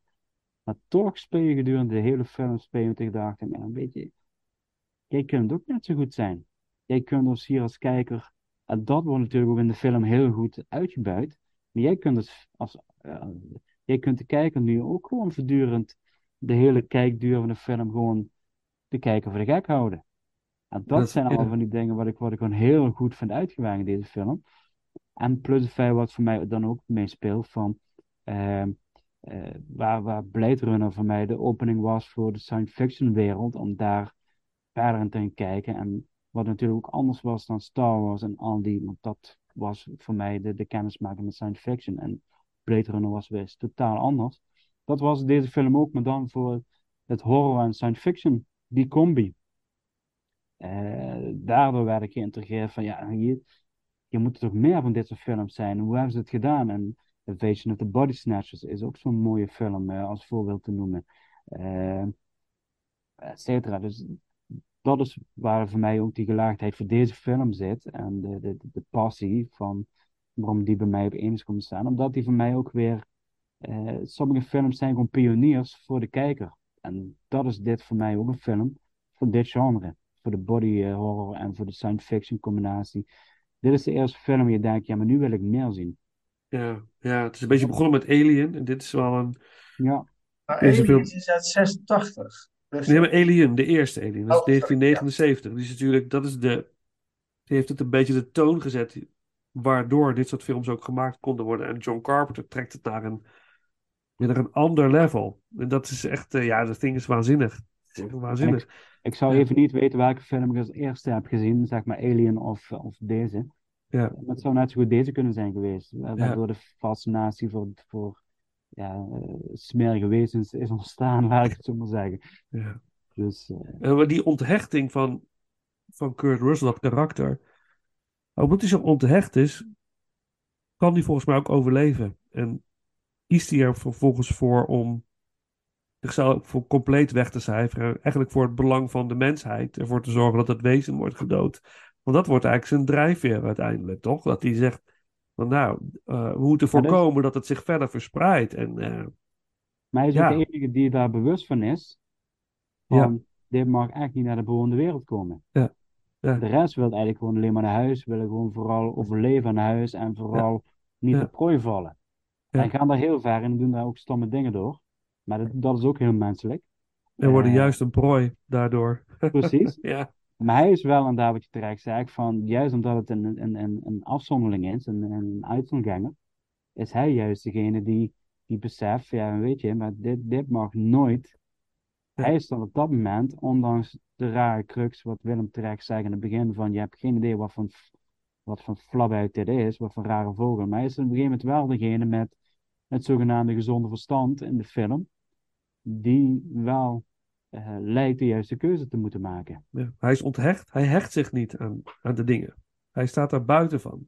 Autonoom. een alien. Ja, echt autonoom, ja. ja. Mooi. Nou, nog een stukje muziek uit The Thing dan maar. Eh, de end credits. Muziek door Ennio Morricone of stiekem toch John Carpenter. Dat is de grote vraag. We zullen het nooit weten.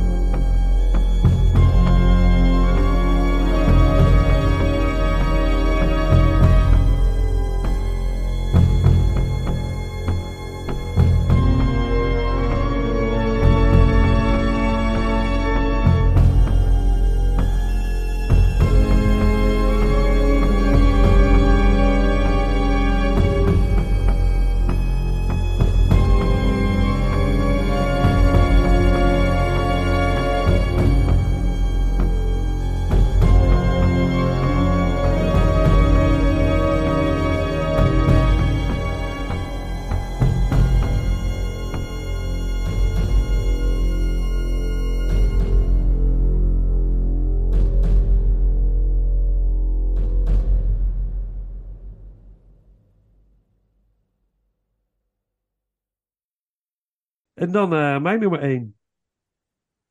Ja, mijn nummer 1 was denk ik al bekend eh, voor iedereen. Dat is natuurlijk Blade Runner. Ehm staat denk ik in mijn top 5 van favoriete films ooit. Dus eh, dit kon niet anders. Ik heb hem weer herzien. Ja, daar word ik weer zo van genieten. Ieder shot van deze film is mooi. Iedere frame kun je stilzetten en denken van jeetje, hoe is dit? Het is zo mooi belicht. De matte painting, dus het- de achtergrondwerk, dat geschilderd is, ziet er gewoon echt uit. Het, je, wordt echt getransformeerd naar een, naar een andere wereld. Ja, wel onze, onze aarde, maar anders. Eh, qua sfeer is die, je kunt hem eigenlijk op de achtergrond aan hebben staan en dan toch een soort sfeervolle vibe hebben in je woonkamer. Er zijn zelfs eh, eh, filmpjes op YouTube, eh, 9 uur Blade Runner vibes, waar je gewoon heel harde regen met synths eh eronder. Ja, het is, ja, het is prachtig. Ik vind het fantastisch. Dus de, de hele sfeer van de film vind ik, vind ik briljant. Dat dan als eerste. Dit is een, wel een film die moet groeien. Want als jong, jonge gast vond ik dit geen goede film. Dus ik, dat is inderdaad wat we alle drie eigenlijk ook zeggen naarmate de tijd vordert. Maar dit, ik zie nu hoe meesterlijk deze film is eh, gemaakt. Ehm, dit, dit, ik vind dit prachtig. En ik vond het vervolg ook schitterend. Dus met tranen zat ik in de bioscoop bij deze film. Toen eh, het vervolg. Eh, er zijn allerlei verschillende varianten op de, op de eerste Blade Runner. Je hebt verschillende versions. Eh, ik heb de Ultimate Cut thuis. En die ken ik het beste. Die vind ik volgens mij ook het mooiste. Ik vind het wel mooi dat het einde dat Harrison Ford met Sean Young gewoon wegrijdt. Ze samen een nieuw leven starten. Dat vind ik een heel mooi einde. Sommige mensen vinden het, dat einde juist heel vervelend. Ik niet. Ik vind het mooi. Het haalt je even weg uit die grauwheid van die stad. En brengt je even naar dat. Oh, er is nog nogal meer eh, op deze aarde waar we naartoe kunnen. Eh Rutger Hauer hebben we het al over gehad. Ja, briljant. Eh, eh, er was destijds natuurlijk, eh, ze hadden volgens mij nog maar 24 uur om te filmen, of nog korter zelfs. Eh, en toen ze moesten snel gaan afronden, want er kwam een enorme staking aan van de Writers Union, volgens mij, zoiets dergelijks. Dus dat moest heel snel worden afgemaakt. En ja, maar ja, goed, iedereen ging staken over eh, 10 uur, zeg maar. Dus ja, maar dat krijgen we nooit meer af, want die film moet af, want anders dan kunnen we hem niet meer afmaken. En toen moest die scène nog worden gedaan met Rutger Hauer op het dak. En toen heeft Hauer zelf gezegd, ik, ik weet wel iets. Weet je, ik, ik heb wel iets. En eh, toen heeft Scott gezegd, ja, oké, okay, Rutger, just do it, just do it. En toen is die iconische scène met die, eh, die duif Wat en de tears, je dan. Ja. de Tears in the Rain eh, scène die iconisch is. Die, ja, daar heeft iedereen het altijd over. Tears in the Rain van Rutger Hauer op dat dak. En dat de slechterik, de bad guy, de good guy, redt eigenlijk. Het stukje menselijkheid wat hij in zich heeft, toont hij op dat moment. Terwijl hij hem eerst wil vermoorden. Dat is ook prachtig natuurlijk. Zit zoveel in deze film. En dat, Ja. hij, dat, dat hij die duif loslaat. was allemaal helemaal niet van tevoren bedacht. Dat heeft hij allemaal ter plekke bedacht. En het was goed. Ze hebben het zo gelaten. En ze hebben de film af kunnen ronden. En eh, het is geflopt uiteindelijk. En is hij helemaal niet gewaardeerd door het publiek. En nu is het een iconische film geworden. En, en, en een favoriet voor heel veel mensen. Waaronder die van mij. Dus eh, mijn nummer 1 is zonder enige twijfel. voor wie dit een favoriete film is, kennen jullie eh, Adam Savage? Dat is de helft van eh, de Mythbusters. Mythbusters ken je denk ik. Oh, ja, Ja, ja, ja. ja. Is die ene met eh, een beetje dat rossige haar. Adam Ja. Savage is helemaal gek van deze film. En eh, zijn achtergrond van beide heren van Mythbusters, eh, zij komen ook uit eh, de props, hè, vanuit de filmindustrie. Daarom zijn ze zo handig in allerlei dingetjes maken. Maar een van zijn obsessies is om de blaster, Blade Runner's blaster, de gun die Blade Runners gebruiken, om die te maken slash het origineel te bezitten. Daar zijn op YouTube hele leuke filmpjes eh, eh, over, die hij zelf produceert, waarin hij zo'n Blade Runner gun helemaal namaakt. Maar er is ook een filmpje waarin hij eh, gewoon de originele Blade Runner gun in een museum in zijn handen mag houden. alsof hij een tere diamant iets. gaat er helemaal stuk op. En ik denk als, als mensen die, eh, die zoveel verstand hebben van eh, hoe, je, hoe je epische filmonderdelen maakt, hè, als die er zo stuk op gaan, ja, dan, eh, dan moet het Ah, wel mooi. een hele goede film zijn. Ik ga het gelijk noteren, dat ga ik even opzoeken. Dat vind ik leuk.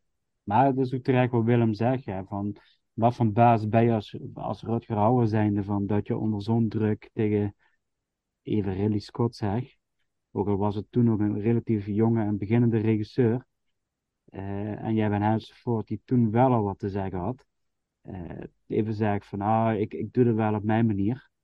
Eh, zet wijze van spreken gewoon de camera aan en ik doe de rest wel.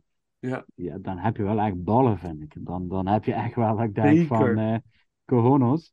En, Ja. zo, Ja. dan denk ik van, Maar dat had hij sowieso al, die Rauwer. Ja, misschien Dat ook die Friese nuchterheid, hè. Ja, een beetje arrogantie. Een beetje gezonde arrogantie. Hij heeft Ja. ook tegen Stallone opgenomen. Hij heeft hem gewoon uitgescholden, Stallone. Ja, wat was er nou een film? De Nighthawks. De Nighthawks. Vind ik ook trouwens een goede film. Een hele goeie. Ja, Ja, ook nog eens kijken. ja. dan komt er in voor onze volgende rankings. Jaren 80 rankings. Komt hij voorbij. Oké. Nou ja, top. 2026 denk ik. 2025. Ja. Komen er nog genoeg in ieder geval. Ja, absoluut. Maar- absoluut. Maar anyways, oké, ja, Blade Runner. eh, genoeg over gezegd. Dan nog maar nog- Tears in the Rain. Ja, Laten we dat even doen.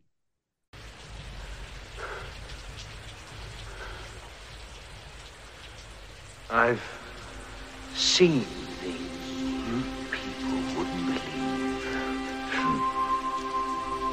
Attack ships on fire off the shore of Orion. I watched sea beams glitter in the dark near Ten House Gate.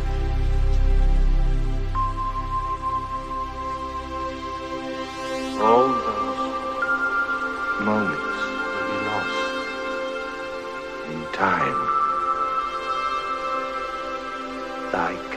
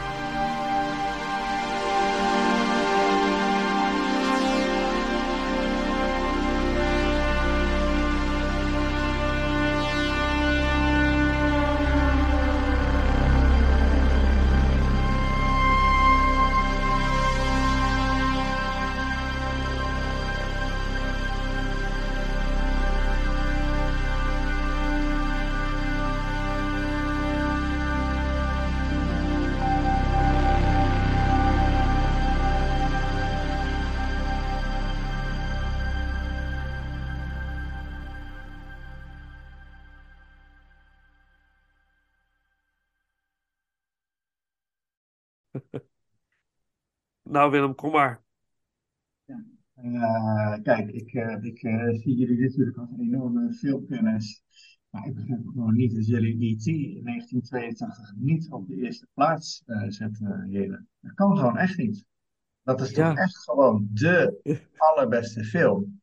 Over smaak valt te twisten, maar over E.T. niet. Dat is gewoon de beste film van 1982. Ja, ja, Ja, eigenlijk ja. Heeft op mij een verpletterende indruk eh, eh, gemaakt. Alles wat jullie erover vertelden, voel ik precies zo. ja. Dus ik ga ik toch proberen twee dingetjes even uit te halen. Want eh, het heeft geen nut om het verhaal te vertellen. Het heeft bij mij iets losgemaakt dat je met techniek alles op kan lossen. De hele film zit vol hoe je eh à la MacGyver met een houtje, een touwtje, een dingetje, een langspeelplaat, een batterijtje, een elastiekje iets zou kunnen bouwen dat communiceert met iets in de ruimte. Dat vond ik als eh, beginnend puber ja, maar heel interessant. Dat dat. Ja. Ik vond ook dat die kinderkamer van Elliot, de spullen die daar staan, die zou ik potverdorie nu nog in mijn, in mijn, in mijn kantoortje willen, willen hebben. Je had het al even over die action figure, maar wat een coole spullen had hij. Ja, daar lette ik op toen, Ja. ik, eh, toen ik klein was. Ja, Ja. ja. Dus dat wil ik even, even eh, eervol vermelden. En nou, misschien kennen jullie dit al lang. Ik wil ook nog de tip meegeven. Zoek even op, eh, op YouTube. Daar staat namelijk eh, de. eh, eh, hoe, heet dat? Eh, de, dat eh, eh, Henry Thomas die doet auditie voor deze rol. En eigenlijk van alle jongetjes die hiervoor geauditeerd zijn, was hij niet de beste. En hij kreeg één kans nog. Dan moest hij een soort vrij improviseren. En moest hij spelen eigenlijk dat de man met de sleutelbos. En die gaat met hem in gesprek om zeg maar, het huis in te mogen waar E.T. is. Hè, om, hem- mee te nemen. En eh, Henry Thomas die speelt dat. En heeft later verteld eh, dat hij zijn hond was net overleden. Daar dacht hij aan. Dat, dat clipje is misschien twee minuten lang. Het is helemaal geïmproviseerd. En je ziet hè, het, trillipje wat we, wat we kennen van Elliot. De tranen schieten echt uit zijn ogen, gewoon in die, in die auditie. Eh, hij reageert heel puur, we hadden het er al eerder over, hè, van goh, wat, wat knap geschreven. Maar ik denk dat eh, Spielberg best wel veel ruimte gaf aan kinderen om kind te zijn, om je in Ja. te leven in de situatie en doe maar gewoon wat jij zou doen. Nou, dat zie je in die auditie eh, gebeuren. En dan is die scène klaar. En niet voor Henry Thomas, die zit er nog in. Maar dan hoor je op de achtergrond hoor je eh, Steven Spielberg eh, Oké kid, you got the job. Ja, heel mooi. Prachtig. Prachtig. Zoek hem maar, maar op. Eh, op- Ja, Heel ja. mooi. Ergens een introotje doen ook. Elliot Audition. Wat cool. Ja. Moet je ook nog steeds huilen, Willem, als je deze film ziet? Jazeker. Ja. Ja. Ja. Gelukkig. Ja, maar er zit zoveel, zoveel emotie. Er zit ook euforie in. Hè? Eh, De, de kids die het opnemen tegen de grote mensen op die, op die, op die BMX-fietsjes. Ja.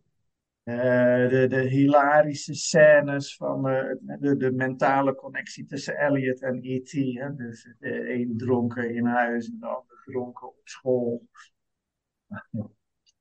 Ja. Prachtige film. En, Nee, eh, ik snap er niks van. Je moet het gewoon op één zetten. Ja, we gaan Nee, hij de gaat echt. Ja, sorry. Nee, nee. Maar het, het- ja, het zit heel dichtbij één. Dat eh, ongetwijfeld. Maar in, die, in de geremasterde versie van. Wanneer was dat? Dat die gedigitaliseerd werd. Ergens in de jaren jaren, 90. eind jaren negentig of zo. Toen hebben ze ook de, de guns weggehaald, toch? Die hebben ze weg. eh, eh, Het Ja, zijn portofoons zaklampen. geworden. Walkie-talkies. Portofoons, ja, inderdaad. Ja, maar eh, er is volgens mij een versie op. eh, wanneer waar hebben we nou gekeken? Laatst? Videoland, volgens mij. Hadden we hem gekeken. Daar is hij weer terug, zijn ze weer terug. Ach, weer terug naar de original. Ja, dus ik zag weer de pistool. Ik denk, hé, hey, dat is, eh, dat is Oh, beter. oh, Ah, en er is gelukkig, trouwens toch weer ook een gedaan. linkje, hè? Want er was ook een tijdje het idee dat dat hele gezin geterroriseerd zou worden door aliens. Dat is ook nog in het begin een beetje een idee eh, geweest. En dat hebben ze Ah. losgelaten, dat is E.T. geworden. En dat idee van geterroriseerd worden door aliens, Is, Poltergeist. Poltergeist, ja. Oh ja, zie. Zie. Dat is weer de... Ah ja, het is toch die E.T. feel die dan... Ah, En volgens mij yes. zit er ook nog een verhaal technische link op die manier met Close Encounters of the Third Kind. Maar dat weet ik Oh? niet helemaal zeker. Ja, volgens, mij is er ook weer een idee wat afgevallen is bij E.T. Of omgekeerd, dat er vanuit Close Encounters of the Third Kind daar een idee is afgevallen en dat dat ja, iets met E.T. heeft geïnspireerd of zoiets. Ik meen dat daar ook nog ergens een linkje zit, maar dat is echt, ja, ik wil niet zeggen flinterdun, maar het kan me ook vergissen dat daar ook wel op een manier, want het wordt ook wel een beetje, het wordt een beetje in één adem genoemd, hè, die films. Ja, ja. Hadden jullie ook...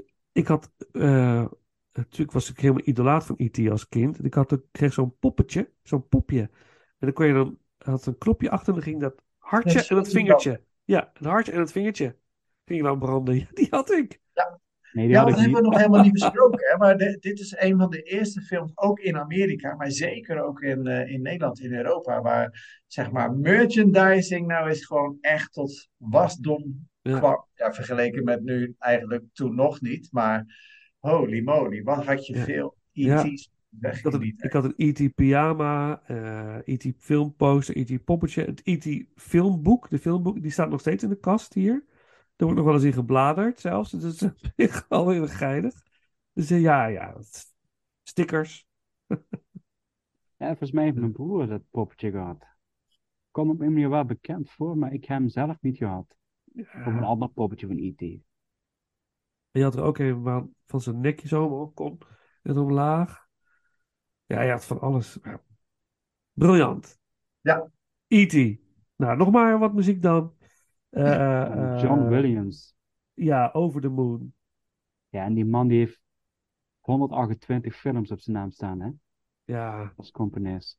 En nu, volgens mij gaat hij ook nog, eh, de laatste Indiana Jones, doet hij volgens mij ook nog, volgens mij. Dat ik, eh, Schijnt de laatste te zijn voor hem. Of heeft hij wel eens Ja. gezegd van misschien dat hij daarmee afsluit. Oké, het zou, ja, het zou mooi zijn. En E.T. komt trouwens nog even terug in Star Wars in The Phantom Menace. Zie je, ik zie ergens E.T.'s eh, eh, eh, voorbij in komen. Senate, Senaat. eh, In het- ja, ja, ja, bij die stemming, bij die votes. Maar goed, alright. Dan die muziek en dan gaan we afronden.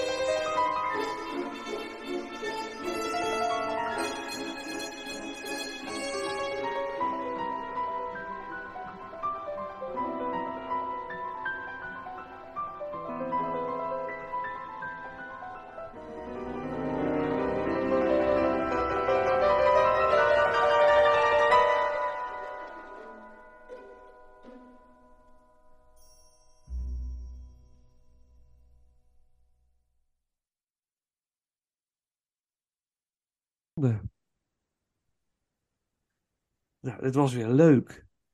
Ja, prachtig. Dankjewel. Wat een mooie lijst is. Ook best wel divers ook nog. En dat is ook weer zo gaaf. Ja, absoluut. Niet allemaal eh, gelijk. Eh, even een paar films voor, voor mij uit die ik niet erin heb gezet, die er wel in hadden gemoet, gemoeten. Eh, voor mij, nee, 48 Hours is wel genoemd. Eh, Annie, eh, eh, Tootsie, eh, King of Comedy. Ja. Met De Niro. was heel. eh, eh, Sophie's Choice. Vond ik heel erg van. Oh, die film. Dat Eh, zijn dus de films die, me, die negen films die ik wilde kijken. ja, kijk. Star Trek 2, The Wrath of Khan. En die had ik wel gezien, maar daar- daar ben je niet kapot van. Ik ben er ook niet kapot van. Ik ben fan van deel 3. Dat is mijn favoriet. Search for Spock. Ah ja, Search for Spock. Vind ik echt het, echt het tofste van allemaal. En dan deel 4. Maar het is wel echt wel een heel goed vervolg. Eh, die. eh. Diner. eh Fitzgeraldo. De laatste eenhoorn. The Last Unicorn. Een van de beste animatiefilms uit de jaren 80. En. Laten we even zeggen Francis. Met Jessica Lange. Mooie film. En de B-film Extro. Heb je die film gezien? Zoek op op YouTube. Extro Birth Scene. Birth als geboortescène. Ik ga verder niks zeggen. Zoiets heb je nog nooit gezien. Daarom denk ik. ja. Oh. Ja, maar geweldig. Oké, dat was. Hadden jullie nog aanvullingen? Denk ik, van, Ja, ik heb ook een lijstje. Ik heb namelijk een lijstje, daar staat gewoon boven. Uit principe niet. Oh. Dus niet gezien, ga ik ook nooit kijken uit 1982. Oké. Grease 2, Oh, gezien. Dead Leuk. Wish 2, Cool. Plane 2, Friday the 13th 3, Halloween 3, Goed. Star Trek 2, maar met pijn hè. Ja, ja. Ja, die heb ik wel gezien, maar ik dacht, ja, dat kan niet. Ik heb, ik heb Rocky 3 al. Je moet wel bij je principes blijven. Precies. ik Ik snap het helemaal. los van mijn principes, jongens. Alsof ze een eigen Jij, leven leiden. Nee, eigenlijk alle films zijn wel eh, genoemd. Ehm, eh, zojuist die nog wel eh, eh, in mijn lijstje bij hadden kunnen komen, om zo te zeggen. Eh, wel met inderdaad de kanttekening dat ik Halloween 3 echt een, eh, een, echt een, heel- echt een, een goede verrassing vond, laat ik het zo zeggen. Halloween 3, Season Ja. of the Witch. Ja, leuk. Ja, ja, ja, absoluut. Maar dat was even te zeggen. Dus, eh, die film gebaseerd op de carrière van Joan Jett, de zangeres van I Love Rock and Roll. Ladies and gentlemen, The Fabulous Stains. Met, ja, die heb ik eh, wel in mijn lijstje staan. Heb ik ja, dat is ook wel aardig. Een aardige film. En dat was ook een film met Mel Gibson. Ja, The Year of Living Dangerously. Ja, Ja. Sigourney Weaver. Ja, maar ik heb die, de Stains alleen maar gekeken voor Diane Lane. dat, is, dat, Ja, dat mag dat ook. is mijn favoriete actrice. Ja, dat mooi, mooi, mooi, mooi. nou, niet favoriete actrice, maar mooiste actrice Ja. in movie history. Oké, nou. We gaan straks afronden met eh, de track eh, Goodbye, Goodbye uit Fast Times at Richmond High. Ehm, Willem, bedankt voor, eh, voor deze ronde. Bedankt dat ik weer zo'n rondje mee mag doen. eh. Ja, Ja, we gaan er nog één doen. Laten we bij deze eh, de volgende jaren 80 ranking vast bepalen. We gaan hem nog inplannen ergens een keer, maar we zullen wel vast.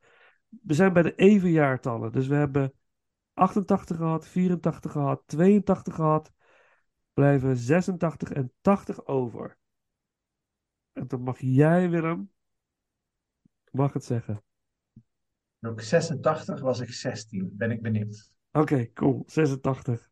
Staat Het jaar van Labyrinth, bijvoorbeeld. Of verraad ik nu al te veel?